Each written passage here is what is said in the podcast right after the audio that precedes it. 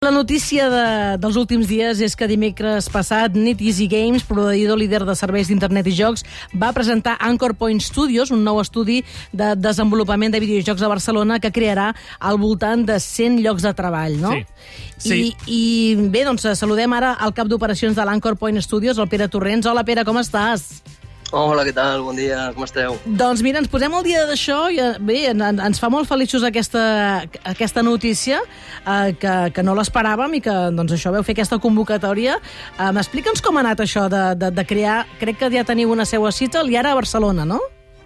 Exactament, sí, tenim una, una seu a Seattle, a la, a la costa oest dels Estats Units, i també en tenim una aquí a Barcelona, i la, la gran notícia és que sembla que ja tenim fins i tot l'oficina aquí a Barcelona, no? Fins ara estàvem operant tots des de casa amb una entitat, òbviament amb una companyia, però ara ja sembla que estem amb, ja a punt a punt de, de tancar el contracte de lloguer de l'oficina que tindrem ben cèntrica de la ciutat de Barcelona. I per què heu escollit Barcelona? Perquè a Barcelona hi ha moltíssima activitat de videojocs, no sé si aquest és un dels motius.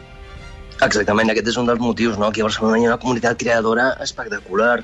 Ja tenim una comunitat molt gran de desenvolupadors indis, que són els que estan de començant o que tenen títols eh, que estan pensats pues, per plataformes com podria ser PC, consola, inclús per mòbil, que tenen un, un tamany, diguem força, força limitat o certament limitat.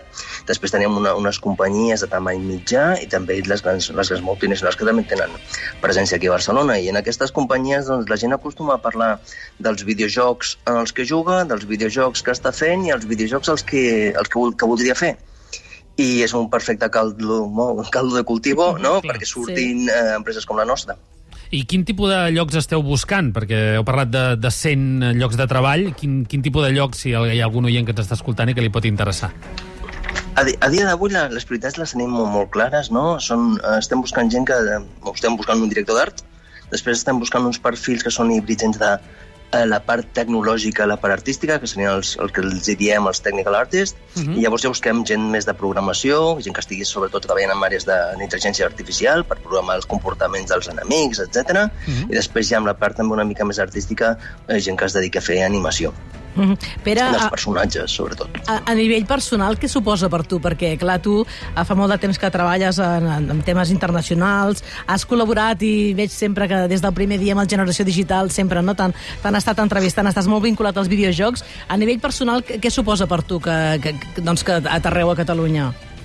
Home, per mi és una mica el reconeixement a la feina que portem fent en el sector des de fa un munt d'anys. No? El sector aquí a Catalunya va començar amb, amb màquines d'arcade, no? de, de les recreatives, i molta gent ni se n'en recorda, que hi havia empreses com Gaelco que feia màquines que exportaven al Japó i que eren líders, i estem parlant dels, dels anys finals dels 80, principis dels 90, i d'allà on estem ara, no?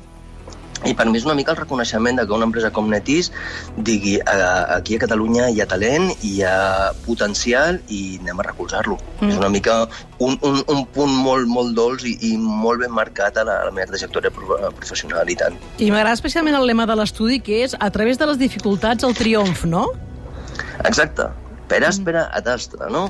és una mica el, el, el, el, el resum el, de la nostra filosofia a l'hora d'enfrontar-nos en aquest projecte. No? Ens enfrontem a un projecte amb una, des d'una òptica aventurera, volem fer errors, però també dins, dins d'una mica un marge de seguretat, no? i aprendre dels mateixos. Estar oberts a tots aquests reptes que hi ha en el sector, també està obert sobretot a la crítica constructiva per part de qualsevol persona a l'equip, ja sigui un directiu, ja sigui un júnior, que pugui aportar les seves idees i pugui dir això m'agrada, això no m'agrada i com ho milloraria.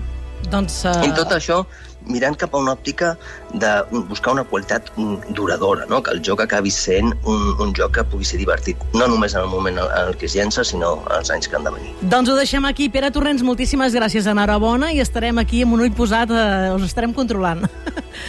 I tant, moltíssimes gràcies a vosaltres. Una abraçada. Una abraçada. Roc Massaguer, adéu-siau.